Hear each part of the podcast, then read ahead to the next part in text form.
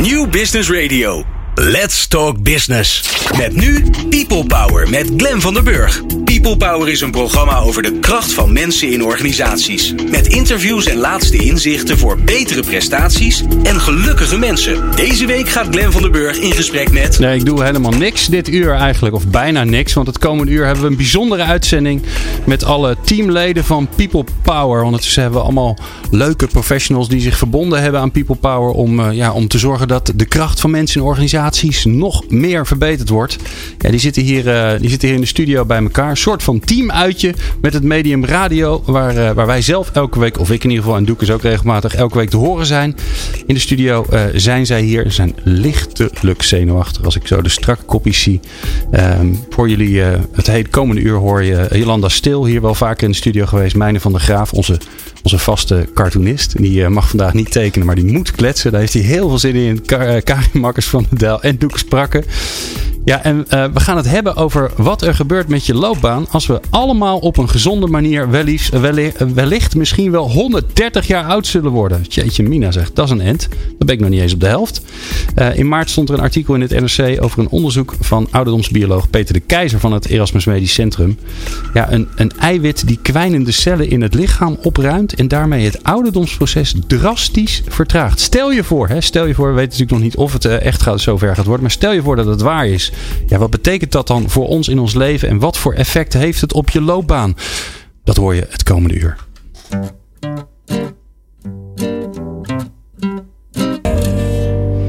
Nou, daar hadden we Sailor Sue met Ragamuffin, onze Belgische superster. People Power. Inspirerende gesprekken over de kracht van mensen in organisaties. Met Glen van der Burg. Nou, en Karen Makkers van der Dijl. Maar onze gast is Barbara de Koning Gans. Een veranderaar met een hart en heel veel energie. Die ervaring heeft opgedaan in directies van grote en middelgrote organisaties. En nu uh, als zelfstandig haar rol pakt in veranderingen. Hi Barbara. Hallo. Hey, hallo. Hi. Uh, Barbara, wij, wij zijn bezig met um, uh, veranderingen in organisaties. En nou weten we dat jij daar ontzettend goed in bent. De vraag is dus, hoe neem jij nou mensen mee? Ja, hoe neem je mensen mee? Ja, ik denk vooral door het zelf te laten willen. Mm -hmm. uh, ik denk dat het een uh, utopie is om te denken dat mensen meegaan omdat jij het zou willen. Of omdat de verandering zo belangrijk is. Iemand gaat alleen maar mee als hij het zelf wil en zelf de noodzaak ziet. Ja. En dat is denk ik waar ik het veel met ze over heb. Mm -hmm. Dus daar besteed jij veel tijd aan om daarachter te komen? Ja, ik besteed veel tijd aan de intrinsieke motivatie bij iemand. Dus om echt te kijken wat makes them tick. En uh, daar probeer ik echt op in te tunen. En dat probeer ik dan te buigen naar waar zit je nu in en uh, waar kom je dan elkaar tegen. En dan zien mensen ook weer de toegevoegde waarde in een verandering of om mee te doen. Dat okay. is denk ik het allerbelangrijkst. En, uh, en, en Barbara, je hebt ja. nu Doekers aan de lijn, Doekers Prakken. Hoi. Wat, wat, wat, ik me dan afvraag, hè? Je, je, je hebt dat soort gesprekken met, uh, met, uh, met meerdere mensen in de organisatie. Ja. Um, maar, maar, ergens lijkt me dat je ook een keuze moet maken um, met wie je dan praat. Dus hoe, hoe maak je die keuze? Nou, hoe bedoel je met wie je praat? Nou, ik kan me voorstellen dat je niet alle, uh, als je een organisatie van 6000 man hebt, dat je niet alle 6000 man zou, zou kunnen spreken. Dus hoe maak je de nee. keuze met wie je in gesprek gaat? Nou ja, kijk, ik denk dat je iedereen kan aanraken, want er zijn heel veel vormen van communicatie. En soms is een één op één gesprek heel belangrijk, maar het is soms ook heel belangrijk om gewoon voor de groep te staan en je verhaal te vertellen. En uh, wat je natuurlijk ook doet, is dat je gebruik maakt van de, ja, de managementlagen die er zijn. Dus door het infecteren en het meekrijgen van je eigen managementlaag en alle lagen daaromheen, wordt die olievlek steeds groter. En uh, daarbij gewoon heel veel aandacht voor ieder individu. En uh, veel praten over dat mensen verschillend communiceren, boodschappen verschillend ontvangen en hoe je daarmee om kan gaan. Dat is eigenlijk de crux continu. Ja, want, uh, want op, op, je, noemt verschillende stijlen waarop mensen dingen interpreteren. Kan je eens wat meer vertellen over die verschillende stijlen die jij herkent? Ja, nou je hebt uh, mensen die vooral heel relationeel in de wereld staan. Hè? Dus heel erg nadenken over welke relatie heb ik met iemand en heb ik daar een vertrouwensband mee. daarvoor is, is de omgeving heel belangrijk en of iedereen zich happy voelt. Er zijn ook heel veel mensen die heel vaak over, vooral over feiten praten. Hoe zit het nou precies in elkaar? hoe verhoudt het zich tot elkaar? Kan ik het begrijpen? Kan ik het met mijn hoofd begrijpen? Uh, er zijn weer mensen die ook zeggen van ik heb even tijd nodig om erover na te denken. Nou, al dit soort verschillende mensen. Ik denk dat het belangrijk is dat je zelf aanvoelt wie je tegenover je hebt. Maar al je boodschappen ook zoveel mogelijk aanpast op allerlei verschillende type mensen. En zorg dat, dat, uh, dat de boodschap op verschillende manieren verteld wordt. Waardoor al die mensen het kunnen ontvangen in hun eigen taal. En dat is waar ik veel mee bezig ben. En merk je nou nog verschil nu je dat als zeg maar buitenstaander doet?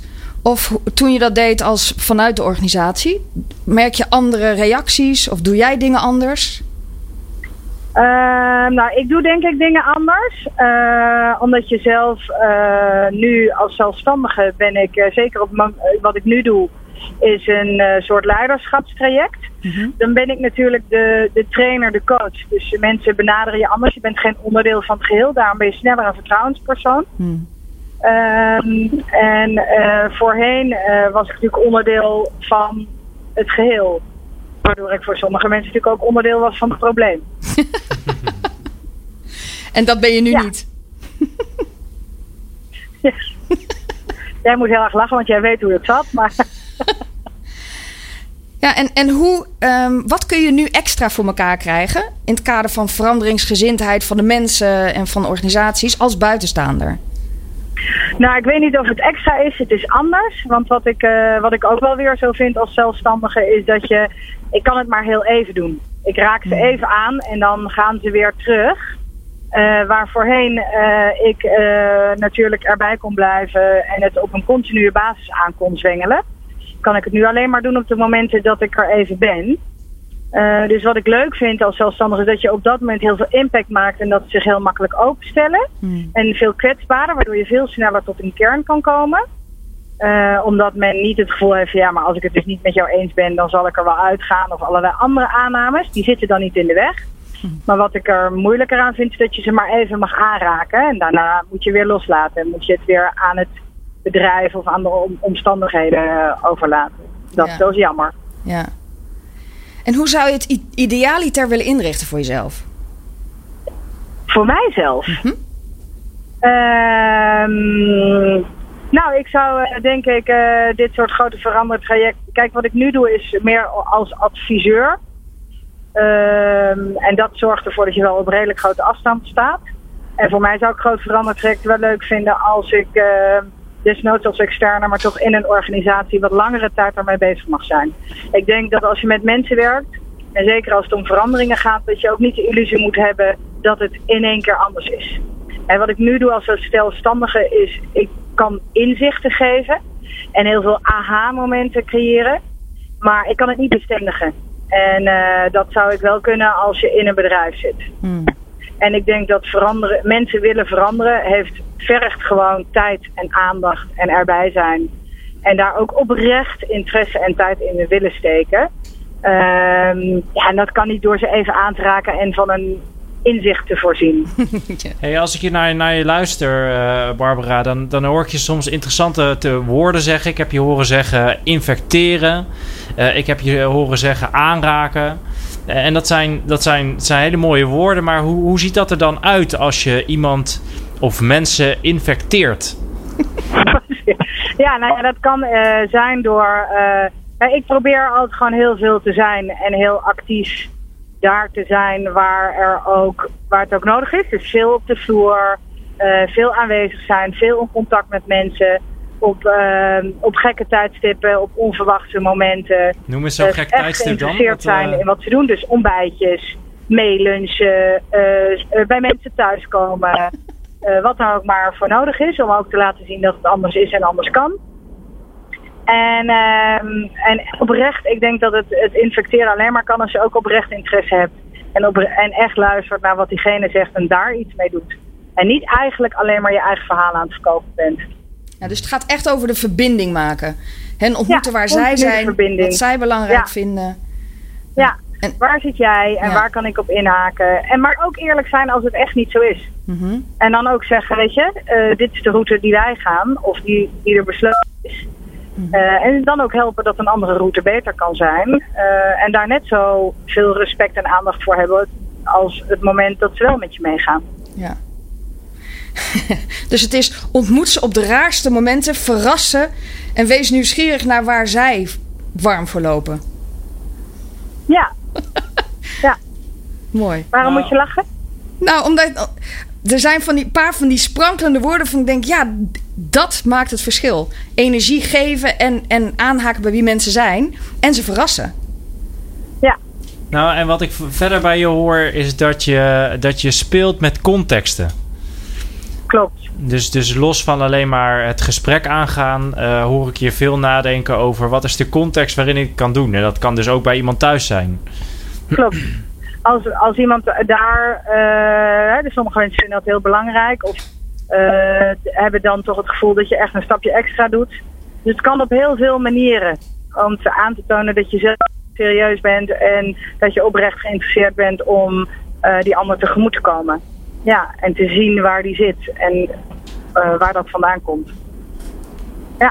Oké, En, nou eh, Barbara. ja, en ik probeer altijd alle bestaande ik, aannames, probeer ik, daar doe ik eigenlijk altijd mijn best voor om alle aannames die er maar zou kunnen zijn, om die te doorbreken. Dus als ze zeggen, ja, dat is de hoogtebaas, die komt nog, toch nooit, dan er juist veel zijn. Ehm, en juist ook met de schoonmaker praten en juist ook met alles eromheen. Weet je, alles wat een omgeving maakt ook beïnvloeden. Oké, Barbara, Ja, dankjewel. zijn ze al voorbij? Dit is al voorbij. Ja, het vliegt. Jongen, jongen. Ja, want hier in de studio zitten allemaal mensen te zwaaien van... eh, we, we moeten naar de volgende is toe. En, over. het, het is echt een fabriek. Heel jammer. Nou, Ja. jullie heel veel succes. Dankjewel. Karin, Ja. go, go, go. Dankjewel. Met z'n allen. We zitten hier met een heel team en het gaat helemaal leuk worden. Dankjewel, Barbara. Helemaal goed. Succes! Oké, dag. Black Velvet van Elena Miles. Hier was hij. People Power met Glen van der Burg.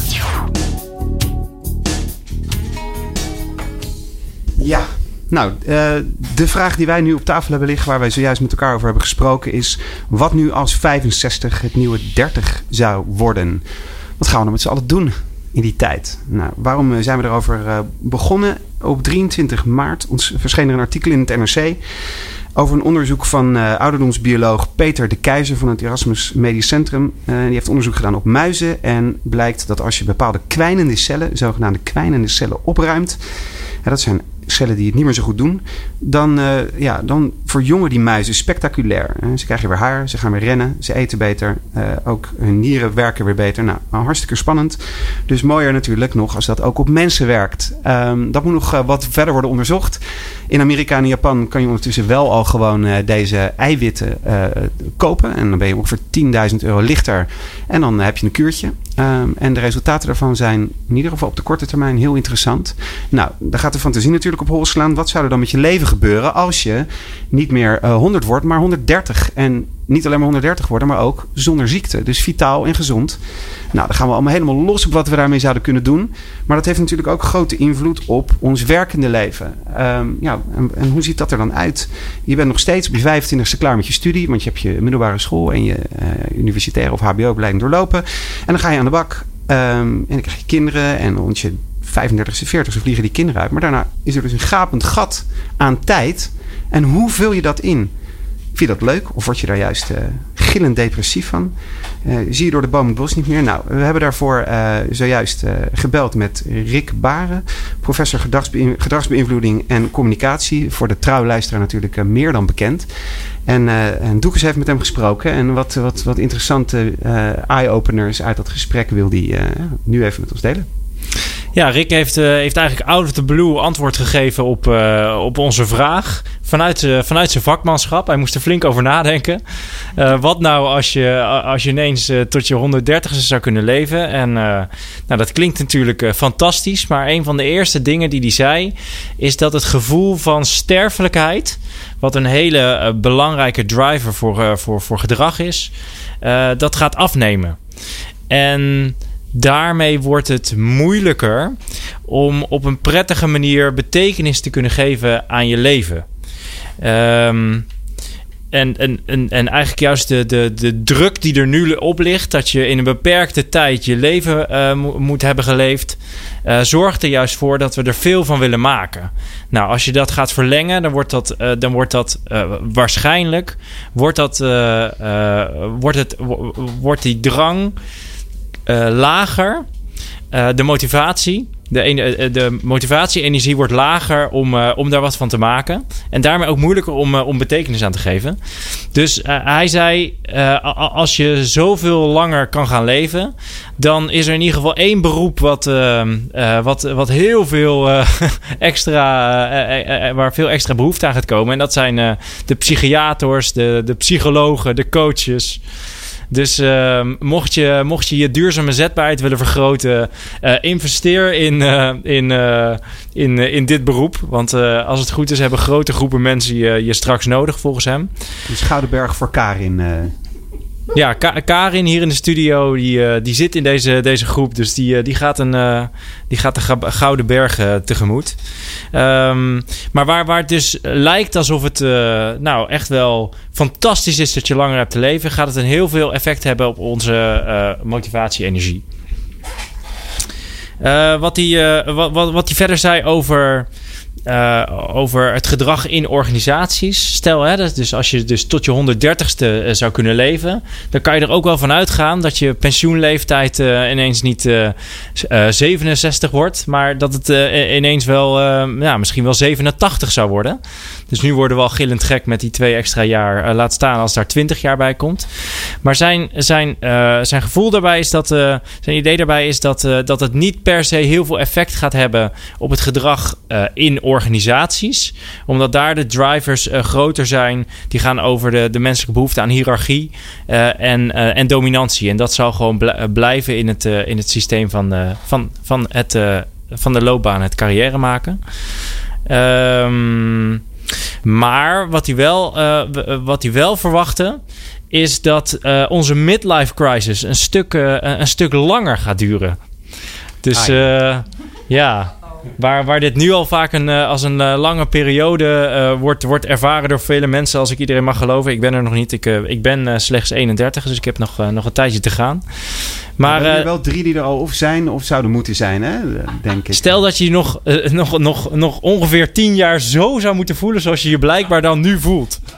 Ai, ai, ai. ai, ai, Maar het is allemaal relatief. Um, ik denk, nou, heel interessante punten van Rick. Uh, we zijn hier natuurlijk ook met vier, uh, nou, laten we het zelf maar ook zeggen, gewoon ook hele interessante mensen die daar ook allemaal een mening over hebben. Want het blijft natuurlijk een beetje koffiedik kijken wat het met ons gaat doen.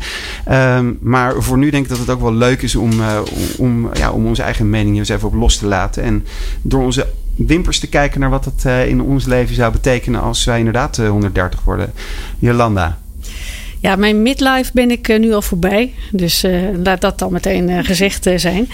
Ehm, ja, ik, ik, ik, ik ben iets positiever gestemd dan, dan we net het verslag hebben gehoord van, van Doekers. Ehm, maar het zal zeker zo zijn dat willen wij straks een loopbaan van, nou ja, laten we het dan maar hebben 70 jaar interessant laten houden. dan, dan moeten wij ons verplichten om daar ook ja, een soort, soort korte bogen in te maken van een maximaal 20, maar eerder misschien 15 jaar.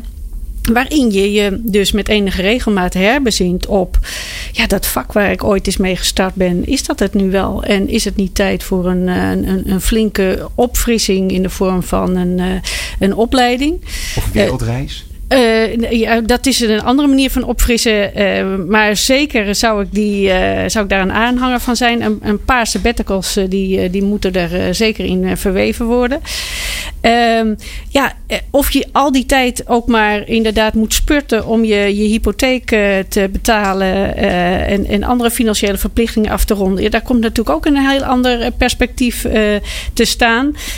in, de, in de voorbespreking hiervoor hebben we al eens gezegd van moet je dan eigenlijk niet zorgen dat op het moment dat je eigenlijk ook heel veel tijd nodig hebt om voor je kinderen te zorgen, dat je dan wat minder werkt en dan misschien juist je pieken uh, rond je 50ste, 60ste komen liggen. Het zijn hele interessante gedachten. en in het licht van dat we inderdaad nu al sputteren met een paar jaar meer. Nou, ehm, ik denk dat we nog wel wat uitzendingen vol kunnen praten erover. Het zal mooie en, en minder mooie kanten hebben als het, als het zo mocht, zover mag komen. Ehm, ja, we gaan zo weer naar een, naar een liedje luisteren, denk ik, toch, Glenn? En daarna komen we te weten wat detox te maken heeft met duurzame inzetbaarheid. New Business Radio. Ondernemende mensen, inspirerende gesprekken. Let's Talk Business. Diana Ross en de Supremes waren dat met uh, Love Child. People Power. Inspirerende gesprekken over de kracht van mensen in organisaties. Met Glen van der Burg en Aukje Nauta. En haar hebben we op dit moment eh, aan de telefoon. En met Aukje gaan we het hebben over duurzaam inzetbaarheid. Uh, ter introductie voor de enkeling die misschien Aukje niet uh, kent. bijzonder hoogleraar Universiteit Amsterdam, kroonlid SER, eigenaar Factor 5, imposante loopbaan met daarin als rode draad duurzaam inzetbaarheid. Ja, Dag Aukje, ja. dankjewel voor, voor de kans om met je te spreken hier op deze maandagmiddag. Mhm. Ehm, het is maandag en we begrepen dat jij het afgelopen weekend uh, ja, uh, een detox weekend hebt, hebt doorstaan. klopt dat? Nee, dat klopt niet. Dat, klopt, uh, ik, uh, dat is alweer een tijdje geleden. Ik heb een detox vakantie gehad. Oh, oh, en ik moet eerlijkheidshalve zeggen dat al die imposante posities die jullie opzomden... helaas niet meer helemaal kloppen. Ik was bijzonder hoogleraar en ik was kroonlid. Maar goed, ik heb dat wel allemaal meegemaakt. Oh, ja. Dat, is een, dat is een nuance wat ons betreft voor nu. Zeker. Oké, ja. Um, oké, okay. detoxen. Daar wil ik nog heel even iets ja. over vragen. Want uh, ja, dat, dat, dat verrast ons een klein beetje. We, we begrijpen uit de in, eerdere introductie dat je toch wel uh, ja, je, uh, je veer hebt verdiend als wetenschapper. En nu komt dat detoxen voorbij. En daar hebben wij toch wel van begrepen dat dat wetenschappelijk allemaal nog wel wat, wat wankelt. of dat wel goed voor je ja. is en echt werkt. Hoe rijm jij dat? Ja. Ja, nou kijk, een, een, een wetenschapper en ik ook, ik ben een halve wetenschapper, uh, maar ik denk nog steeds wetenschapper, is wetenschappelijk, uh, die is vooral heel erg verschrikkelijk nieuwsgierig. Als je als wetenschapper niet meer nieuwsgierig bent naar dingen die niet helemaal wetenschappelijk bewezen bent, dan ben je eigenlijk geen goede wetenschapper, vind ik. Dus alleen al om die reden is het leuk om je in detoxen of in religies of in spiritualiteit te verdiepen en er dan uit te halen uh, wat voor jezelf waardevol is. En dat is precies ook wat ik met die, dat detoxen heb gedaan. Kijk, ik geloof niet zozeer in de kracht van klisma's en darmspoelingen. Maar ik geloof wel heel erg uh, in de kracht van uh, eens een tijdje um, niet te veel eten, veel sporten en dan uh, aan het denken gezet worden over um, ja, hoe zit het nou eigenlijk met uh, hoe ik mezelf voed? Stop ik voortdurend maar wat in mijn mond of denk ik bewust over na? Kan dat beter? Hoe zit het eigenlijk met mijn sporten? En ontspan ik wel genoeg? Dus detoxen voor mij is niet letterlijk dat ik het detoxen serieus neem, maar wel nieuwsgierig ben naar van goh, wat betekent dat eigenlijk voor mijn eigen leefstijl en wat pik ik daar nou nu uit op? Ja, je creëert een soort context waarin je uh, die gedachten de ruimte kunt gaan geven.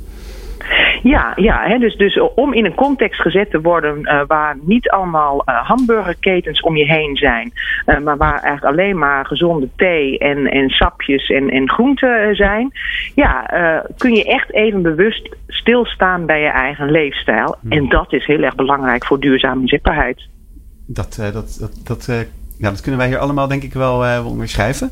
Um, als we dat detox even als uh, uh, metafoor gebruiken voor uh, duurzame inzetbaarheid. En je neemt een gemiddelde werkvloer of een gemiddeld bedrijf. Wat zou je dan als resultaat van een detox van die omgeving willen zien? Waardoor duurzame inzetbaarheid een, ja, een betere kans krijgt. In andere woorden, welke stoffen zou je dan uit zo'n bedrijf of uit zo'n werkvloer weg willen, willen detoxen? Uh, ja, jeetje, mooie vraag. Um, nou, in ieder geval zou ik uh, een heel belangrijk ingrediënt van werkplezier is dat je een combinatie hebt van autonomie, eh, van competentieontwikkeling en van verbinding met andere mensen. Dus alles wat dat tegengaat, ja, dat zou ik flink willen detoxen. Dus ik kom bijvoorbeeld op werkvloeren ehm, ja, waar eh, het, het, het digitale mensen zodanig beheerst in wanneer ze pauzes kunnen nemen, ja, dat ze niet zelf kunnen beslissen, bij wijze van spreken, wanneer ze naar de wc kunnen. Nou, dat is zo onmenselijk, dat moet je onmiddellijk weghalen. Want dat is echt een, een ja, funest voor een gevoel van autonomie. En autonomie leidt tot werktevredenheid en duurzame zetbaarheid.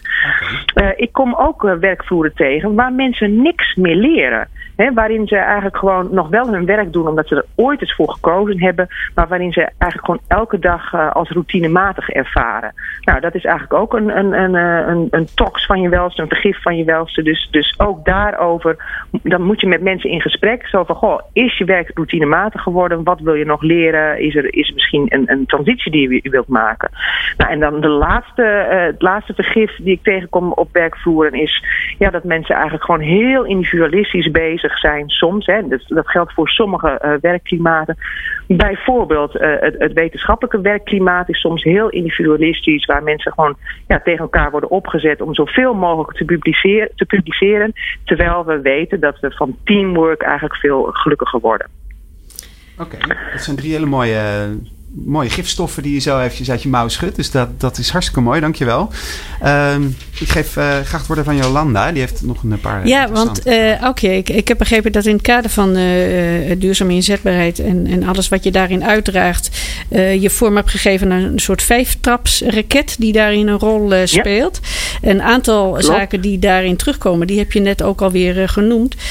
maar ja. wat ik daarin opmerkelijk vond... En, is, is ook het feit dat medewerkers graag betrokken willen zijn bij bedrijfsbeleid.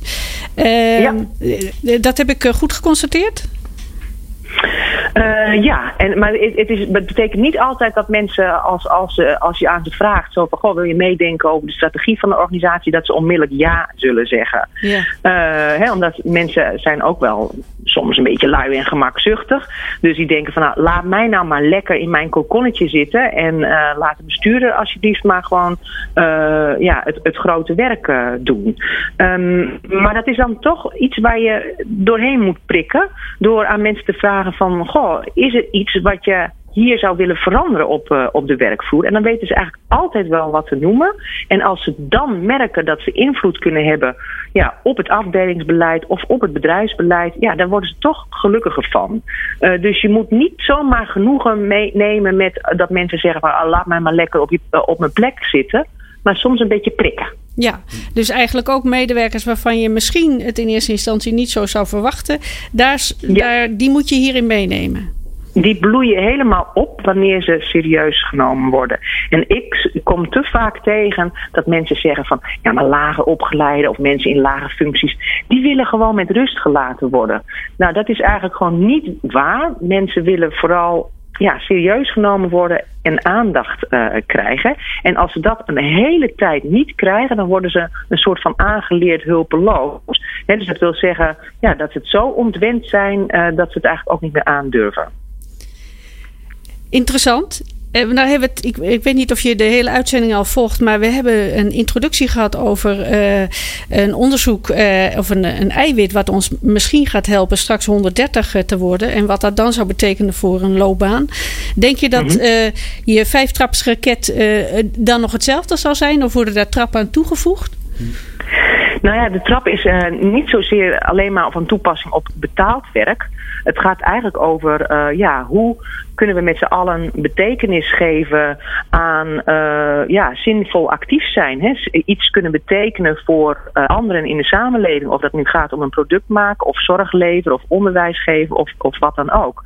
Maar ik denk wel dat als we met z'n allen veel ouder worden, dat we dan heel anders moeten nagaan denken over wat is nou eigenlijk werk? Uh, wat, wat, betekent een concept als werk? En is dat altijd betaald werk of is dat gewoon zinvol bezig zijn? Nou, iemand die daar, dat heb ik dit weekend nog gezien. eh, zo via een tweetbericht van eh, Follow the Money heb ik een prachtig filmpje gezien van een, eh, een wetenschapper, Skidelski, die veel schrijft over ja, de eh, van werk en hoe het eigenlijk zit met, eh, met de economie. En die zegt ook van ja, heel veel economische modellen zijn gebaseerd op ja, nogal aannames over de menselijke eh, drive, drijfveren. Zoals dat we onverzadigbaar zouden zijn en ja, dat we eigenlijk altijd bezig zijn met het oplossen van schaarste. Misschien kloppen die aannames wel helemaal niet meer. En, ja, en, en moeten we veel meer ons verdiepen in van wanneer ervaren mensen nou eigenlijk dat ze een zinvol leven hebben? Is dat wanneer ze zich omringen met allemaal eh, televisies, eh, eh, eh, beeldschermen, internet, huizen, zwembaan, et cetera? Of is dat ja, wanneer je je omringt met geliefden waar je waardevol voor kunt zijn? Nou, ik denk natuurlijk gewoon het laatste. En, en, en dat betekent dat we eigenlijk toe moeten naar een heel ander soort samenleving. Ja, Goed, dus, dus we ik eh, nou sla 80 nu misschien een beetje door. Maar ja, het feit dat we langer leven betekent dat we afscheid moeten nemen van concepten als van je betaalt, je doet betaald werk van je 25ste tot je 65ste en daarvoor ben je aan het leren en daarna ben je aan, aan het ontspannen. Nee, ontspannen, leren, werken, zorgen gaat allemaal door elkaar lopen. Aukje, hartelijk bedankt voor deze samenvatting. Graag gedaan. En hartelijk dank voor het interview, Aukje. Oké. Ehm, zo, na het volgende liedje eh, gaan wij eh, hier met z'n vieren eens eh, door, de, ja, door de literatuur heen. Onze eigen boekenlijst eh, langslopen. Wat neem je mee op vakantie en wat laat je wellicht toch maar, eh, maar liever thuis liggen tot na de vakantie. Nieuw Business Radio. Non-stop lekkere muziek voor op het werk en inspirerende gesprekken. En je luisterde naar Ed Sheeran met Galway Girl. Meepraten? Meepraten? Of meer programma's? people-power.nl Ja, we zijn al bij het eh, laatste, laatste deel aangekomen van deze uitzending met, eh, met allemaal people, people Power Professionals. Eh, geïnspireerde vakmensen onder, de, onder deze naam. En de vraag is ook van waar, waar worden wij nou door geïnspireerd en wat zouden wij nou willen doorgeven aan jullie. Dus daarom hebben we een tijdelijk boekenclubje opgericht. En ehm, eh, we gaan je meenemen in, in boeken die ons erg inspireren. Zowel als je lekker op vakantie gaat. Een lekker makkelijk boek om op vakantie mee te nemen. Of eh, een boek die je beter toch eh, gewoon lekker voor na je vakantie eh, kan lezen. Dus ehm, eh, laat je verrassen. Jolanda, kan jij jouw boek introduceren? Ja, dit is eh, zeker geen boek om mee te nemen op vakantie. Maar wel heel interessant als je eh, aan de slag wilt met uh, duurzame inzetbaarheid. Dat heet Een leven lang inzetbaar, vraagteken. Um, is een herziene druk nu van verschenen. En het is geschreven door twee wetenschappers. Te weten Annette Lange en Beatrice van der Heijden. Um, en nou, wil je eens op een rijtje hebben, en gedegen op een rijtje hebben... wat nou allemaal wel of niet waar is rond duurzaam inzetbaarheid... dan uh, beveel ik dit boek van harte aan. En een quizvraag om het dan nog wel leuk af te ronden. Hè? Want we hebben het over vakantie. Nou, wat is de vraag waar je de komende zomer mee bij de bar indruk kunt maken? Wanneer is meer dan de helft van de Nederlanders 50 jaar of ouder? Is dat 2019, 2020 of 2025? En dan tellen we drie tellen af. En jawel, over twee jaar, in 2019, is de helft van de Nederlandse bevolking 50 jaar of ouder. Het is niet normaal. Als je me nou. Oh, dan ben ik aan de beurt. Oké. Okay. Um, ja, ik heb ook een uh, boek meegenomen. En uh, het is een beetje uh, het grote mensen, de grote mensenvariant van het Donald Duck Doe vakantieboek. nou, zoals Glenn al zei, ik, ik maak normaal gesproken tekeningetjes hier bij, bij de uitzending en ook daarbuiten. Um, dus ik ben niet zo van de woorden. Dit boek Visual Thinking van Willemien Brandt van Bureau Brandt in Den Haag. Uh, legt je echt prachtig uit hoe je. Sowieso kan natuurlijk iedereen gewoon tekenen. Maar hoe doe je dat en wat gebeurt er in je hoofd als je visueel gaat nadenken. En een visueel woordenboek gaat aanleggen. Dus niet meer een woord met een betekenis, maar een woord met een beeld. En daarmee gaat stoeien. Heel leuk, heel leerzaam. En uh, ja, een hele frisse nieuwe kijk op uh, processen. Nou ja, als je dan uitgedoet bent en uitgetekend en uitgecreatief bent, dan wil je natuurlijk nog wel nadenken over waarom ben ik hier in vredesnaam op deze aarde. Want vakantie is natuurlijk wel ook een tijd van reflectie.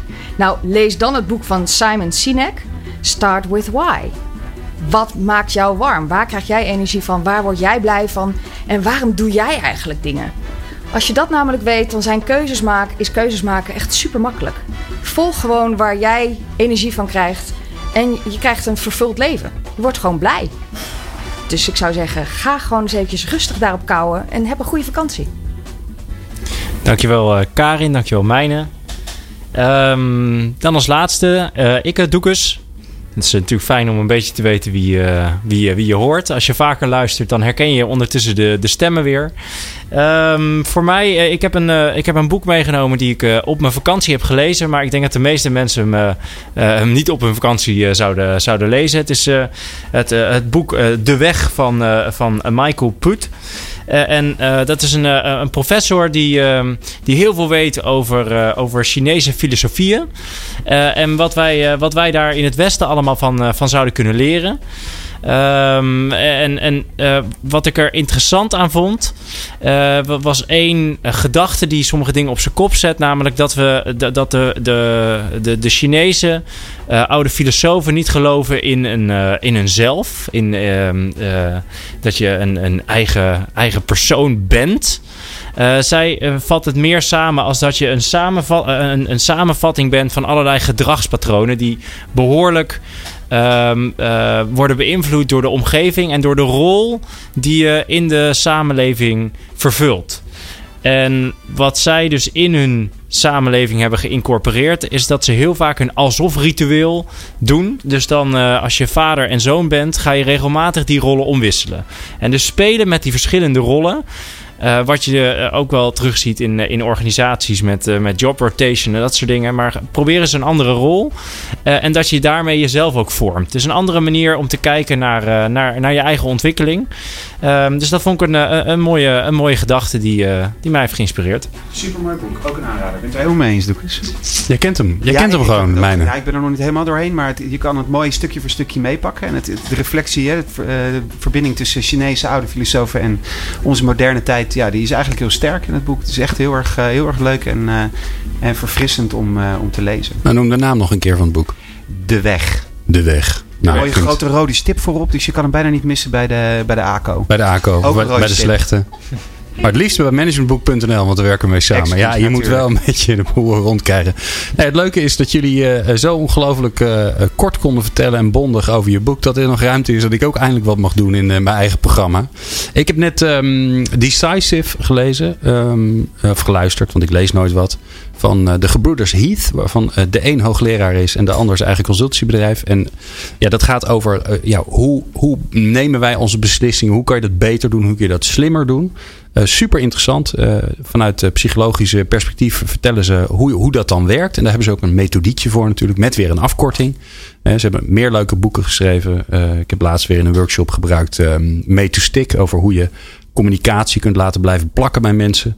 En daar hebben ze het acroniem succes. En elke letter is dan weer een hoofdstuk. Ja, het is briljant. Maar wat zij heel goed doen en waar ik enorm jaloers op ben. En wat ik ook een beetje probeer in mijn eigen boek. Is dat al hun hoofdstukken beginnen met een verhaaltje. Je wordt meegenomen, je wordt er ingezogen en vervolgens weten ze je toch uh, wetenschappelijke, ingewikkelde psychologische dingen uit te leggen aan de hand van dat verhaaltje. En dat is uh, redelijk briljant, vind ik. Decisive van de gebroeders Heath.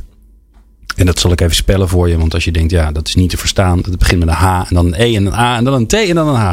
Uh, dames en heren, u heeft een heel uur geluisterd naar uh, het bijzonder leuke team van uh, People Power. Allemaal bevlogen professionals die willen dat men, organisaties mensgericht gaan organiseren. zodat zij, de organisaties, beter gaan presteren en de mensen gelukkiger worden.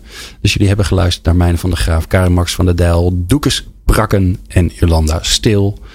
En ja, dan zit hier natuurlijk mij nu aan te kijken. Hoe was het? Hoe vonden jullie, hoe vond je dat we het gedaan hebben? Nou, wat ik altijd zeg tegen alle teams die bij mij radio komen maken. Om dat voor het eerst van hun leven te doen. Jullie waren tot nu toe het beste team ooit. Dus applaus voor jezelf. Alright, uh, volgende week weer een uh, normale aflevering. Of ja, normale aflevering. We hebben een, volgende week een verse aflevering van People Power Change met Jeroen Buescher. Nou ja, dat zijn eigenlijk nooit normale afleveringen als Jeroen erin zit. Um, en we gaan het hebben over het oh zo lastige veranderen in organisaties. En in het tweede uur, dus dat is van 4 tot 5, komt professor Rini van Solingen langs om een uur lang met ons te praten over het hippe agile organiseren. Wat is dat eigenlijk? Kun je nou niet wachten? Denk je van nou, ik, ik ben helemaal verslaafd. Ik moet gewoon nog meer People Power luisteren. Dan kan dat, want er zijn nog 89 andere afleveringen die je terug kunt luisteren via Soundcloud. Via onze podcast op iTunes en tegenwoordig ook op het Expert Podcast platform van BNR. Um, en als je nou denkt, ja, dat zal allemaal wel, maar ik wil gewoon een linkje hebben om te klikken, ga dan naar radio.people-power.nl. Daar kun je alles vinden. Ook hoe je je kunt abonneren op een podcast. Dat hebben we voor je uitgelegd. Ik vond het enorm fijn dat je weer hebt geluisterd. Ik hoop dat jij, net zoals wij, je best gaan doen om mensen wat gelukkiger te maken in organisaties. En ik spreek je graag volgende week weer om drie uur bij People Power. People Power met Glen van der Burg. Meer luisteren? people-power.nl